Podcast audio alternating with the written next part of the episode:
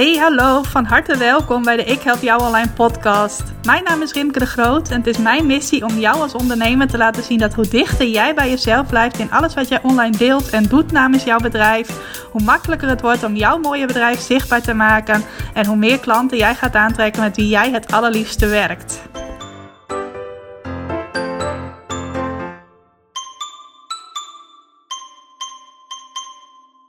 Welkom. Welkom bij weer een nieuwe aflevering van de Ik Help Jou Online podcast. Wat leuk dat je vandaag luistert. En op het moment dat ik deze aflevering opneem, is het bij mij een uh, zeer druilerige tweede Pinksterdag. En ik weet dat Tweede Pinksterdag voor veel mensen een vrije dag is, ook voor veel ondernemers. Uh, ik hou er niet zo van om mij te laten leiden door wat gebruikelijk is van wanneer ik vrij moet nemen. Ik vind het altijd fijn om uh, in het midden van de week vrij te kunnen zijn. Dus uh, ik ben vandaag lekker aan het werk. Ben ook bezig met iets heel erg leuks. Waarvan het ook gewoon handig is dat ik er een hele dag zonder al te veel onderbrekingen aan kan werken. Nou, deze podcast is daar wel even een onderbreking van. Maar ver, dat is een hele leuke onderbreking. En verder kan ik hier lekker de hele dag gefocust aan doorwerken. Nou, wat is dat dan? Ik ben een nieuwe mini-cursus aan het creëren. Die heeft als titel jouw eerste websitepagina op één in Google. En dat is een instapaanbod dat ik wil aanbieden aan mensen die mij nieuw leren kennen. Mogen ook gerust mensen zijn die mij al wat langer kennen om uh, iets laagdrempelig betaald te kunnen aanbieden als kennismaking met mij. Je kunt natuurlijk ook allerlei dingen gratis aanbieden. Heb ik het ook wel eens over gehad in een eerdere podcastaflevering. Maar mensen die meteen al bereid zijn om een kleine investering te doen, die zijn op het algemeen serieuzer met hun bedrijf bezig. En uh, ja, ik vind het fijn om meteen al te kunnen zien op het moment dat iemand iets bij mij aanvraagt, is het iemand die vooral voor gratis gaat. En dan zie ik vaak ook een patroon dat er uh, gelijk drie, vier, vijf verschillende gratis dingen bij mij worden aangevraagd. Of is het iemand die zichzelf en zijn of haar bedrijf en zijn of haar dromen en doelen serieus neemt en die gelijk wil, uh, wil doorpakken? Dan ga ik mensen een beetje op uitdagen. En uh, hen wil ik de mogelijkheid bieden om deze mini-cursus te volgen voor een super laagdrempelige prijs. Sluit ook helemaal aan bij het onderwerp waar we het zo over gaan hebben. En uh, hen vanuit die, uh, dat laagdrempelige aanbod super veel waarde bieden. Om te kijken of ze dan van daaruit misschien ook weer een vervolgstap met mij willen zetten. En als ze geholpen zijn met alleen deze mini-cursus, is dat ook prima. Dan heb ik ook weer iemand goed kunnen helpen. Uh, en aan de andere kant is het ook een aanbod ja, dat misschien een opstapje kan zijn naar meer. Nou, ik zei het al, dat sluit eigenlijk perfect aan bij het onderwerp van vandaag. Want er is één vraag die ik heel regelmatig krijg, die ik ook afgelopen week weer een paar keer heb gehoord. En dat is de vraag: welke prijs kan ik nou het beste vragen voor mijn nieuwe aanbod? En dat is niet een vraag waarop ik meteen kan zeggen: Oh, daar moet je zoveel voor vragen. Nee, ik geloof er heel erg in dat een prijs altijd uit jezelf moet komen. Dat een ander ook niet voor jou de prijs kan bepalen. Daar zal ik zo meteen ook even wat meer over vertellen. Als ik het ga hebben over drie uh, behoorlijk slechte adviezen die ik in de afgelopen jaren dat ik nu online ondernemer ben voorbij heb zien en horen komen. Maar allereerst wil ik nog even zeggen dat ik het best wel grappig vind eigenlijk dat ik over dit onderwerp een podcast opneem. Want ik heb jarenlang zelf heel erg geworsteld met het vragen van de juiste prijzen voor mijn aanbod. Dat begon al ver voordat ik uh, met Ik Help Jou Online startte. Ik heb daarvoor jaren als freelance journaliste gewerkt. En in eerste instantie was ik helemaal niet van plan om freelancer te worden. Dat is een beetje zo gekomen, om het zo maar te zeggen.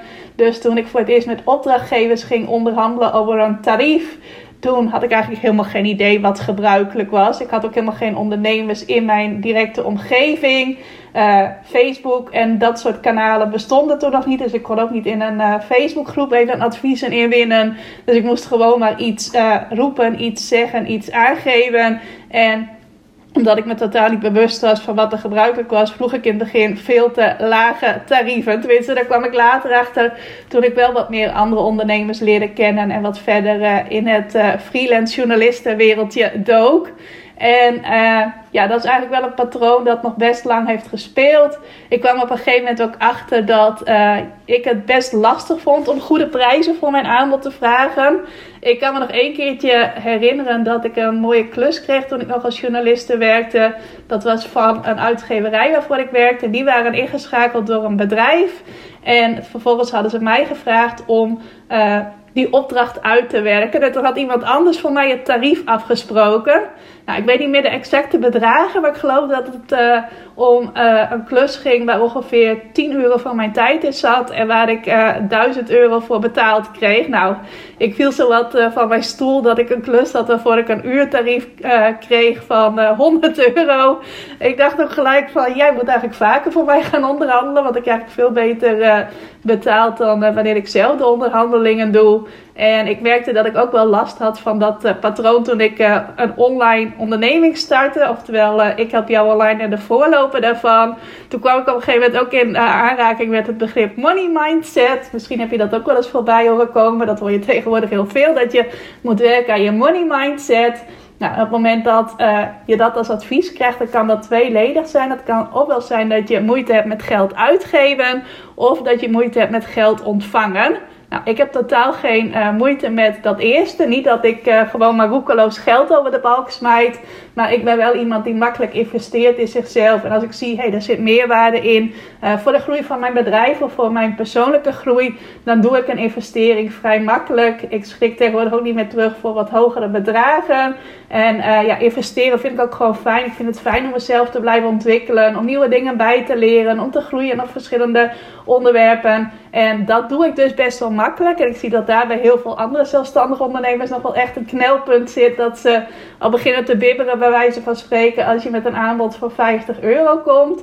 Of dat ik dan reacties krijg van uh, ondernemers. Ja, ik wil wel heel graag een training bij jou doen, maar ik heb het geld niet. Zelfs als mensen het geld wel hebben. Nou, ik ga daar nooit over in discussie, want iedereen moet zelf weten waar hij of zij geld aan uit wil geven. Maar het is vaak wel iets wat je heel erg beperkt in je eigen groei, doordat je gedwongen wordt doordat je het geld niet wilt uitgeven om alles zelf te doen, alles zelf uit te zoeken. Nou, jij hebt maar één hoofd en er kan maar één bepaalde hoeveelheid kennis in zitten. En op het moment dat je jezelf geen hulp gunt ergens bij, ja, dan kom je meestal niet heel ver en ga je meestal niet echt je droombedrijf realiseren en jouw dromen überhaupt als ondernemer waarmaken. Uh, ik ken ik zou zeggen maar weinig, maar volgens mij ken ik helemaal geen ondernemer die uh, puur en alleen maar zelf meet is en alles zelf heeft gedaan zonder ook maar van iemand hulp te krijgen. Maar goed, ik geloof dat ik nu alweer op een zijspoortje beland. Uh, ik heb daar dus totaal geen last van. Maar ik merkte op een gegeven moment wel dat ik uh, ja, het moeilijk vond om geld te ontvangen. En ook echt mijn waarde te ownen, zoals ze dat dan zeggen. En toen ben ik heel erg gaan werken aan die money mindset. Ben ik echt een money mindset reis gaan maken. Ik heb daar verschillende trainingen over gevolgd. Ik denk wel een stuk of drie, vier. En ook heel veel boeken over gelezen die mij daarin ook heel erg geholpen hebben om veel beter, met veel meer zelfvertrouwen, uh, de perfecte prijzen voor mijn aanbod te vragen. Tenminste, in mijn ogen de perfecte prijzen waarvan ik denk van nou, dit klopt ook echt met de waarde die ik deel. Nou, ik zei het ook al, ik hoor ook heel regelmatig slechte adviezen voorbij komen als het gaat om het bepalen van de perfecte prijs voor je aanbod. Eentje daarvan is, uh, en dat komt met name van de business coaches van deze wereld, dat elke keer als jij met een prijs komt, en zeker als dat dan uh, iemand is die dat zelf lastig vindt om prijzen te, te bepalen, dan roept een business coach al snel van, nou zet er maar een nul achter. Ik weet niet of je die hele trend kent. Ik zie dat nu ook heel regelmatig in advertenties voorbij komen van het high-end ondernemen. Je moet hoge prijzen vragen. Dan krijg je minder klanten. Maar doordat je minder klanten hebt, hou je meer tijd over. En kun je dus met weinig werken heel veel geld verdienen.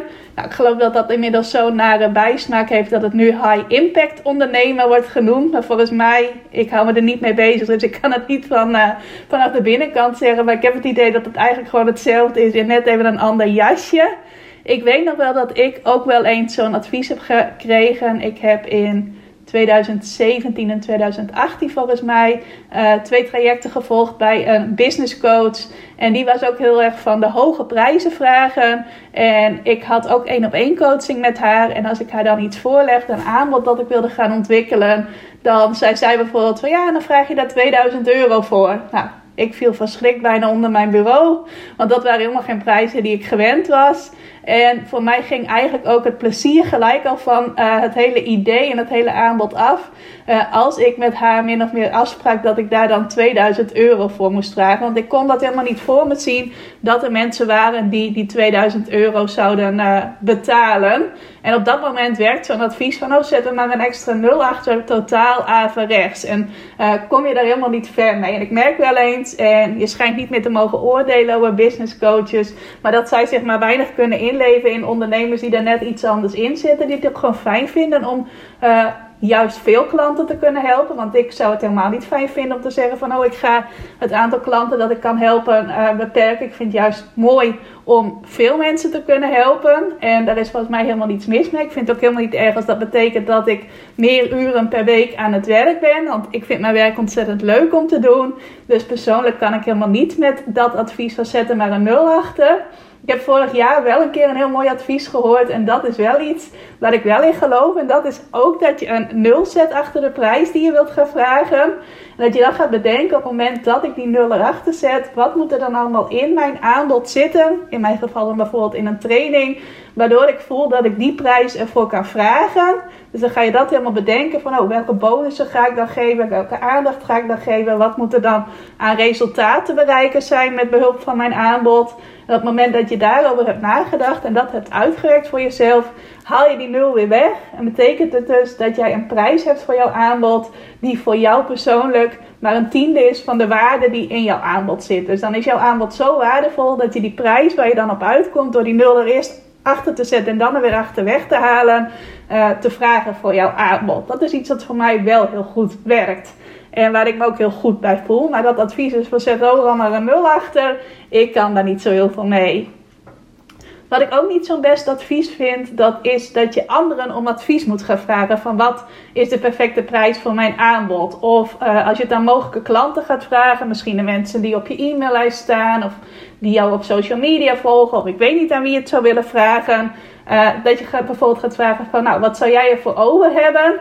Dat is een heel gevaarlijke vraag, want in principe hebben mensen het liefst zo weinig mogelijk ervoor over. En zullen zij nooit zeggen van, nou, ik zou er wel 1000 euro voor betalen. Nee, die roepen veel eerder van, nou, misschien 100 euro. En die zullen jou nooit het advies geven waar jij echt mee geholpen bent. Dus ik zou dat nooit gaan vragen aan mogelijke klanten, hun inbreng vragen voor het bepalen van de prijs voor jouw aanbod. Ik geloof er heel erg in, ik weet niet of ik dat nou net ook al zei, volgens mij wel, dat jouw prijs heel erg uit jou moet komen. Je kunt natuurlijk ook gaan vragen aan uh, ondernemers, vrienden, business buddies, zoals dat dan zo mooi heet. Maar ook zij kunnen nooit voor jou de prijs bepalen. Want het moet een prijs zijn die jij voelt, waarvan jij voelt: dit is mijn aanbod waard.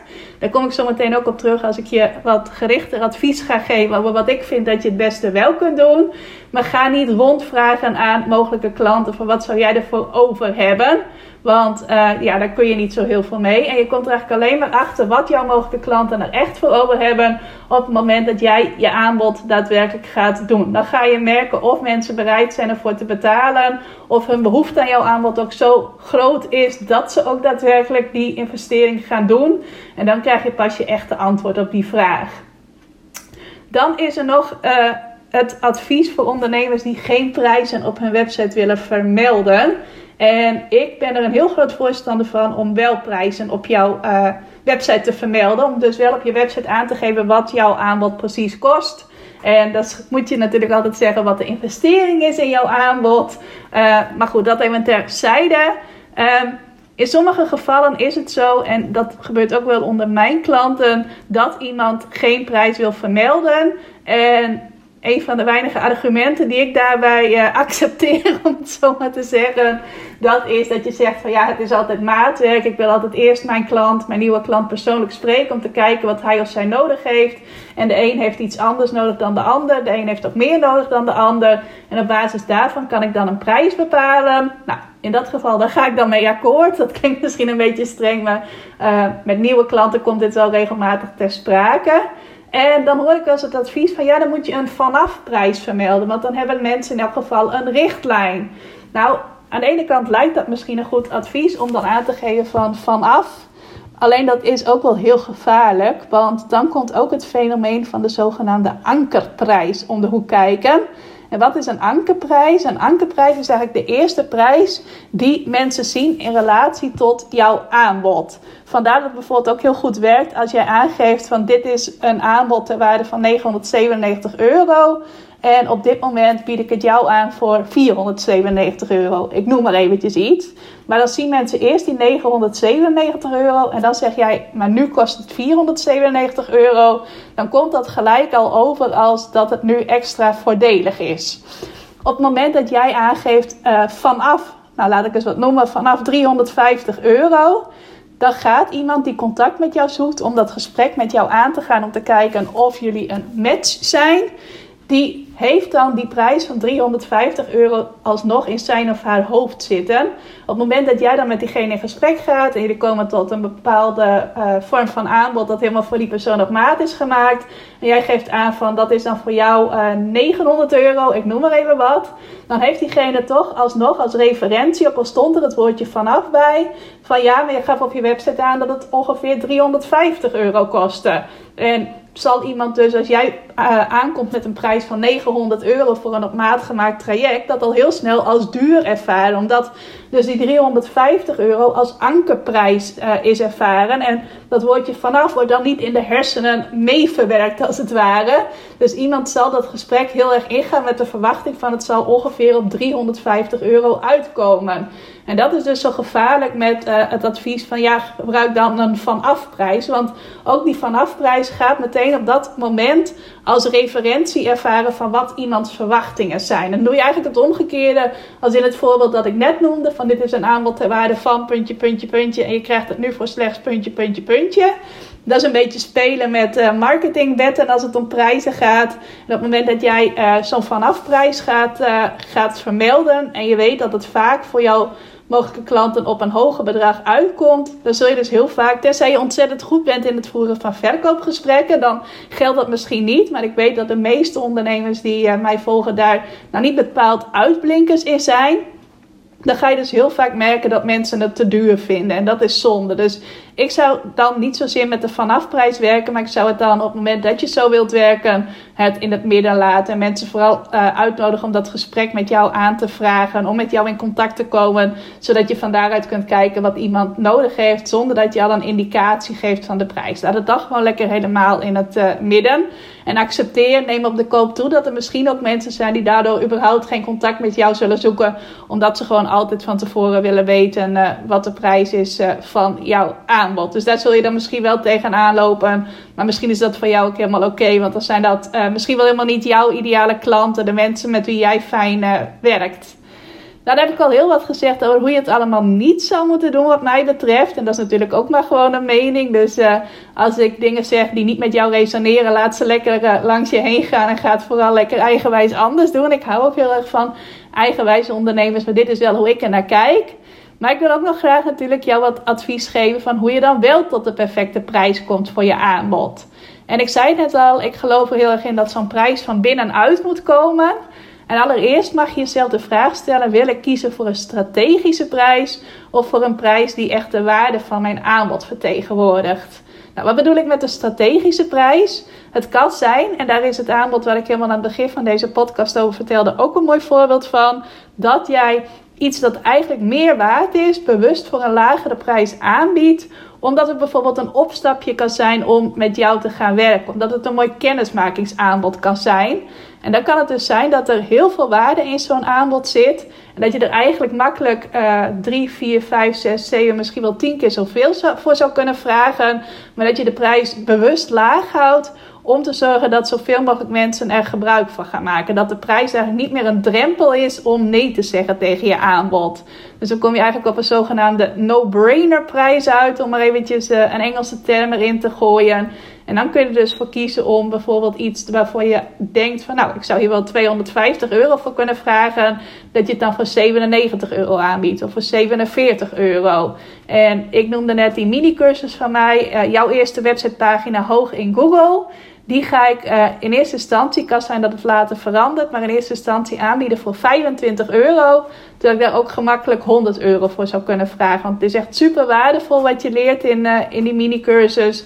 Je kunt het ook echt gebruiken om echt uh, tientallen of honderden nieuwe klanten naar je toe te laten komen in een jaar. Alleen ik wil het dus echt gebruiken als een instapaanbod. Het zal ook veel onder de ogen komen van mensen die mij nog helemaal niet goed kennen. Die bijvoorbeeld iets gratis bij mij aanvragen en dan die mini-cursus als uh, extra buitenkant aangeboden krijgen. En om die reden, mede om die reden, kies ik hier voor een strategische prijs. Terwijl op het moment dat ik zou kiezen voor een prijs die de waarde vertegenwoordigt, dan zou het toch wel minimaal 100 euro mogen kosten. Maar dat is dus altijd een afweging die je kunt maken. Is het een aanbod dat meer een strategische functie heeft? Of is het een aanbod uh, dat gewoon tot mijn basispakket van mijn aanbod behoort? En mag er dan ook een prijs aan gekoppeld zijn die echt de waarde vertegenwoordigt?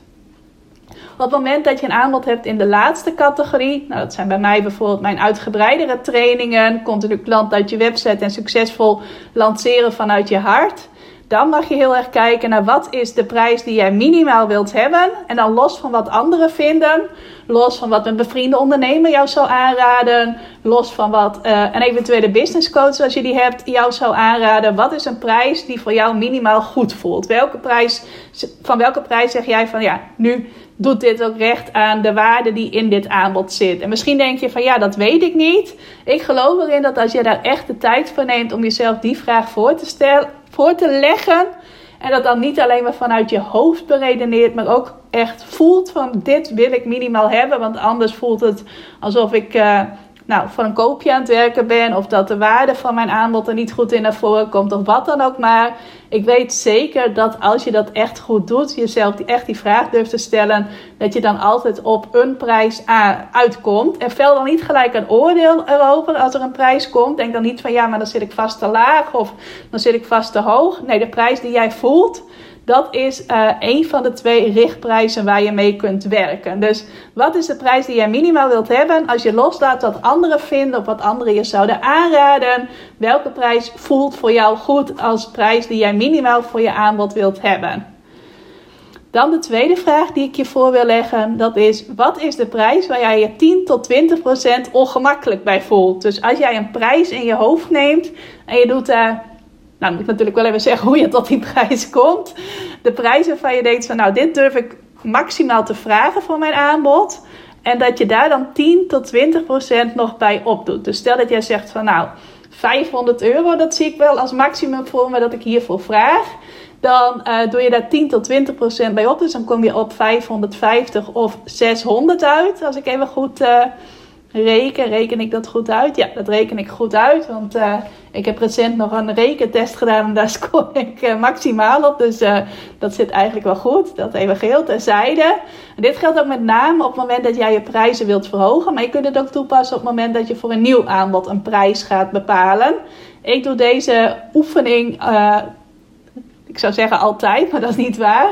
Uh, de laatste tijd doe ik die wel op het moment dat ik een prijs van een training wil verhogen. Dan vraag ik mezelf ook af van uh, wat is de prijs die nu bij mij opkomt, die goed voelt om uh, mijn aanbod naartoe te verhogen. Dat is een hele kromme zin volgens mij. En dan doe ik daar 10 tot 20 procent bij op. En dan kom ik uit op een prijs die uh, de waarde van mijn aanbod nog beter vertegenwoordigt. Of die de waarde van mijn aanbod inmiddels vertegenwoordigt. Bij mij is ook een van de criteria die ik daarbij uh, hanteer. Hoe meer feedback ik weer van klanten heb gekregen dat mijn aanbod waardevol is. En dat ze daar uh, concrete en goede resultaten uithalen. En uh, ik probeer dat dan ook altijd weer te kunnen weerspiegelen in de reviews die op mijn aanbodpagina staan. Dus als ik weer meer reviews op mijn aanbodpagina kan toevoegen, dan voel ik van nou, nu is het weer tijd om mijn prijs te verhogen. Dat hoeft niet op een vast moment in het jaar te zijn. Dus niet bijvoorbeeld, oh, het is uh, 1 januari, nu moet ik mijn prijzen verhogen. Nee, ik doe dat gewoon op het moment dat ik voel van ja, nu is het daar tijd voor. En ik kijk dan dus ook altijd van welke, bij welke prijs voel ik mij een tikkeltje ongemakkelijk. Uh, en die ga ik dan toch vragen. En soms kom ik ook wel eens op het idee uit van nou, deze prijs zou het misschien wel moeten zijn, maar dan kom ik erachter dat die bijvoorbeeld 25% ongemakkelijk voelt. En dan weet ik van ja, dan ga ik hem niet goed over kunnen brengen. In bijvoorbeeld een webinar, dat is vaak de eerste setting waarin je dan de nieuwe prijs hoort van, uh, van mijn training. Maar ook als ik hem bijvoorbeeld in een mailtje vermeld, dan uh, ja, probeer ik altijd te kijken van waar voel ik me 10 tot 20% ongemakkelijk bij. En die prijs wordt het dan meestal ook.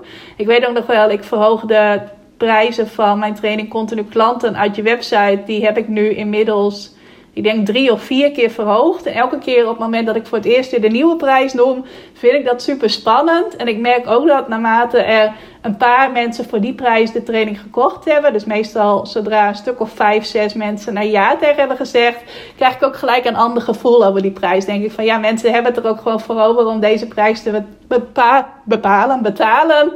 Uh, omdat het gewoon ook echt de waarde van de training vertegenwoordigt. En dan voel ik me uh, op dat moment gelijk ook weer gemakkelijk bij die prijs. Dan voelt het niet meer van, oh jee, gaan mensen dit wel betalen? Maar dit is wel heel goed om te doen voor jezelf. Met name als je al een tijdje bezig bent. En het gaat niet zozeer om het bepalen van prijzen voor een nieuw aanbod. Maar meer voor het verhogen van uh, de prijzen van je bestaande aanbod. Ik zie ook heel vaak dat ondernemers dan zeggen van ja, dan doe ik er een paar euro bij op. En bijvoorbeeld je hebt een aanbod van 400 euro en dan ga je 410 euro vragen. Ja, dat kan. Dat moet je ook vooral doen als dat voor jou goed voelt. Alleen dan ga je niet echt groeistappen uh, maken. Je mag jezelf het ook gunnen om uh, betaald te worden naar de waarde die jij toevoegt uh, aan de markt, aan het leven van andere mensen. Of je dat nou voor ondernemers of particulieren doet. En ja, meestal op het moment dat jij voor een tientje verhoging gaat, bijvoorbeeld, doe je jezelf geen recht. En dat is ook wel iets wat ik echt belangrijk vind dat je dat wel doet. Nou, op het moment dat je echt een prijs gaat bepalen voor een nieuw aanbod, ga dan aan de hand van die twee vragen, ga kijken wat eruit komt. Wat is de prijs die je minimaal wilt hebben en wat is de prijs waar je je 10 tot 20 procent ongemakkelijk bij voelt. Er komen waarschijnlijk twee, vragen, twee bedragen uit, twee verschillende bedragen. Misschien is het verschil tussen beide wel heel groot, misschien is het ook best klein. Maar zorg dat je ergens in het midden tussen die twee uitkomt. Uh, dat advies geef ik ook vaak aan ondernemers die diensten verlenen. Wat wil jij minimaal hebben zodat jij ook goed betaald wordt voor de uren die jij in een, uh, het verlenen van je dienst stopt? En wat is de prijs die je nog maximaal durft te vragen? Met misschien dan nog 10% of 20% erbij op, omdat je daarvan gaat groeien. En probeer dan ergens in het midden daartussen uit te komen. Het kan ook zijn op het moment dat je diensten verleent, dat je wel, net zoals ik eerder in de journalistiek, in een situatie komt waarin je moet onderhandelen over de prijs. Dus dat er uh, twee personen zijn die samen de prijs bepalen. Dat was in mijn journalistieke tijd zeker zo. Nu, op dit moment, nu ik online trainingen geef, ga ik niet in onderhandeling met klanten over de prijs. Dan is er gewoon één prijs. Ik bepaal wat die prijs is. En klanten kunnen daar ja tegen zeggen of nee tegen zeggen. En waar ik dan mijn best mee doe en waar ik mij probeer steeds verder in te ontwikkelen, dat is het communiceren van de waarde. Dus wat kan ik doen? Wat kan ik delen? Wat kan ik zeggen? Wat kan ik schrijven? Waardoor ik mensen die mijn aanbod zien ook daadwerkelijk laat zien dat het die prijs waard is. Dus hoe kun jij je aanbod zo communiceren dat mensen zien dat de waarde een veelvoud is van uh, de prijs die ik vraag? En dat is iets waar je naast uh, nadenken over welke prijs ga ik vragen, is dat ook iets waar je als ondernemer mee bezig kunt zijn. En wat mij betreft mee bezig zou moeten zijn. Dat is iets waar ik zeker het laatste jaar ook steeds meer focus op heb gelegd. Dat heb ik ook geleerd in een training die ik volg. En uh, dat werkt ook heel erg mee om uh, een prijs ook zelfverzekerd over te kunnen brengen. En ook uh, daar ook klanten voor te krijgen. Zeker als je weer naar een nieuwe prijs toe aan het groeien bent.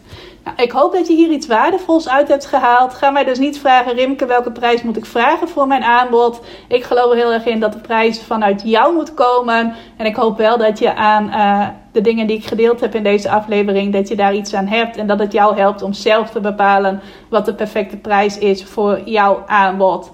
Mocht je mij daar iets over willen vragen, dus niet welke prijs moet ik vragen, maar een andere vraag die hiermee te maken heeft, dan zou ik uh, je daar graag bij helpen. Stuur me dan even een mailtje op rimke.ikhelpjouonline.nl of uh, een DM op Instagram rimke.ikhelpjouonline. En dan vind ik het leuk om daar even met je naar uh, mee te kijken. Stuur me ook gerust een berichtje als je iets gehad hebt aan deze aflevering. En dan vind ik het ook heel leuk als je daar iets over deelt in je Instagram stories, als je daar actief bent. En dan kan ik het natuurlijk ook weer makkelijk delen in mijn stories. Maar als je mij iets privé wilt vragen, mail dan even of stuur die DM. Nou, wil ik je weer hartelijk bedanken voor het luisteren. Ik ga nog even verder werken aan dat projectje waar ik vandaag mee bezig ben. En uh, ik spreek uh, je graag bij een andere aflevering. Dankjewel voor het luisteren naar deze aflevering van de Ik Help Jou Online podcast. Vind je nou net als ik dat deze podcast nog veel meer mensen mag bereiken en mag inspireren? Zou je mij dan misschien willen helpen? En dat kun je op twee manieren doen. Als jij de podcast beluistert via de Apple Podcasts app dan kun je daarbinnen een review voor mij achterlaten. Nou, je kunt een aantal sterren geven, je kunt er ook nog een tekstje bij schrijven. Dat laatste, daar zou je me helemaal blij mee maken, want uh, dat soort reviews wordt nog zwaarder meegeteld en daardoor kan ik nog meer mensen bereiken met de podcast. Nou, heb je geen Apple Podcast apps of wil je misschien nog iets extra's doen? Deel dan, als je wilt, even een screenshot van dat je deze podcast luistert in je Instagram stories. Tag mij daarin. Zet er ook even bij wat het meest waardevol of inspirerend is dat je uit aflevering gehaald hebt. Nou, zodra ik dat zie, zal ik dat ook weer delen in mijn stories. Dus jij krijgt ook nog extra bereik. Naast dat je mij enorm helpt door ook bij jouw storykijkers mijn podcast onder de aandacht te brengen. Nou, duizendmaal dankjewel als je dat wilt doen. En ik hoor je graag weer bij een volgende podcastaflevering.